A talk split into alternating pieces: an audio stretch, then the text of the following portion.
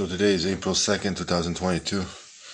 I want to let you guys know that uh, sometimes we fall down, we have no hope, and we have friends that pick us up. I was just talking to my Italian friends there at a very good bar in the city, and uh, they helped me out again. Like I say, sometimes I repay the trust with uh, a timely, timely trust line. Sometimes it's a trust virtue. What I'm trying to obtain is a trust virtue and uh, I know that it's been accomplished in the past, and it's only it's only for for the for the moment.